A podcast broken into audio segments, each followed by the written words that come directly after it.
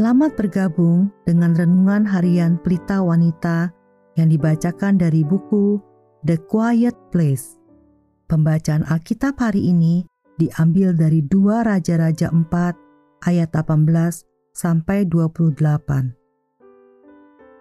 Setelah anak itu menjadi besar, pada suatu hari keluarlah ia mendapatkan ayahnya di antara penyabit-penyabit gandum. Tiba-tiba menjeritlah ia kepada ayahnya. Aduh kepalaku, kepalaku. Lalu kata ayahnya kepada seorang bujang, angkatlah dia dan bawa kepada ibunya. Diangkatnyalah dia, dibawanya pulang kepada ibunya. Duduklah dia di pangkuan ibunya sampai tengah hari. Tetapi sesudah itu, matilah dia. Lalu naiklah perempuan itu dibaringkannya lah dia di atas tempat tidur abdi Allah itu. Ditutupnyalah pintu dan pergi, sehingga anak itu saja di dalam kamar.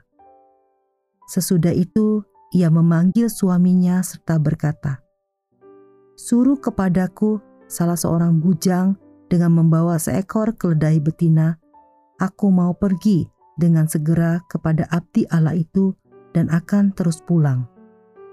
Berkatalah suaminya, "Mengapakah pada hari ini engkau hendak pergi kepadanya? Padahal sekarang bukan bulan baru dan bukan hari Sabat." Jawab perempuan itu, "Jangan khawatir." Dipelanainya lah keledai itu dan berkatalah ia kepada bujangnya, "Tuntunlah dan majulah, jangan tahan-tahan aku dalam perjalananku, kecuali apabila ku katakan kepadamu, Demikianlah perempuan itu berangkat dan pergi kepada abdi Allah di Gunung Karmel. Segera sesudah abdi Allah melihat dia dari jauh, berkatalah ia kepada Gehasi, bujangnya, Lihat, perempuan Sunem itu datang. Larilah menyongsongnya dan katakanlah kepadanya, Selamatkah engkau? Selamatkah suamimu? Selamatkah anak itu? Jawab perempuan itu, selamat. Dan sesudah ia sampai ke gunung itu, dipegangnyalah lah kaki abdi Allah itu. Tetapi Gehasi mendekat hendak mengusir dia. Lalu berkatalah abdi Allah, biarkanlah dia, hatinya pedih. Tuhan menyembunyikan hal ini daripadaku, tidak memberitahukannya kepadaku. Lalu berkatalah perempuan itu, Adakah ku minta seorang anak laki-laki daripada tuanku? Bukankah telah kukatakan, jangan aku diberi harapan kosong? Ayat kunci hari ini adalah dari 2 Raja-Raja 4 ayat 26. Larilah menyongsongnya dan katakanlah kepadanya, Selamatkah engkau? Selamatkah suamimu? Selamatkah anak itu? Tiga pertanyaan.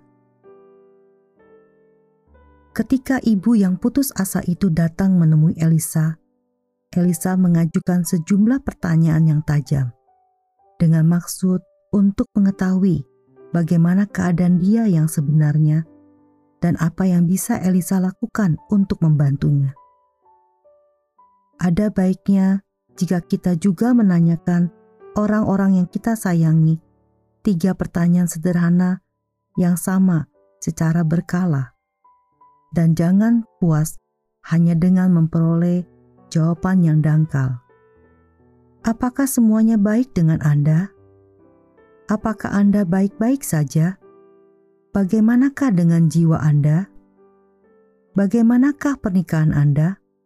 Apakah Anda berdua berjalan dalam kasih, mengutamakan satu sama lain, mempertahankan kemurnian moral?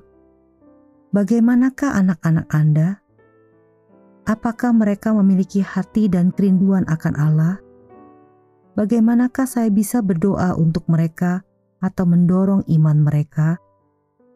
Maksud dari pertanyaan-pertanyaan ini bukanlah untuk menjadi usil, berlebihan, atau curiga.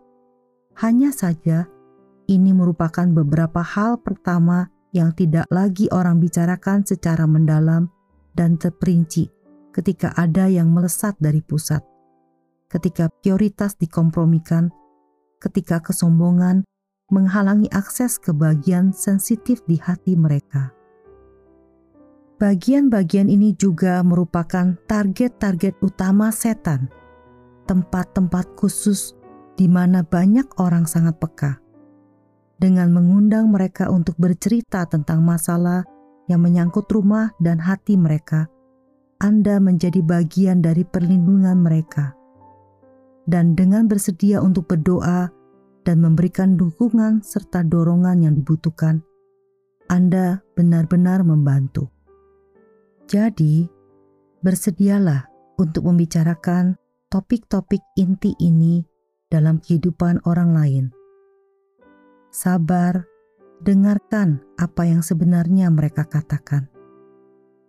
Jadilah teman yang mengasihi mereka dengan cara yang jarang dilakukan oleh kebanyakan orang lain yang terlalu sibuk. Dan jangan lupa untuk mengarahkan mereka kepada Yesus di titik kebutuhan terbesar mereka. Sebagai penutup, mari kita renungkan pertanyaan ini. Kapankah terakhir kali Anda berbicara dari hati ke hati dengan salah satu teman dekat atau anggota keluarga Anda? Berdoalah agar percakapan Anda selanjutnya menjadi bermakna dan bersedialah untuk membuka hidup Anda untuk ditanyakan pertanyaan semacam ini oleh orang lain.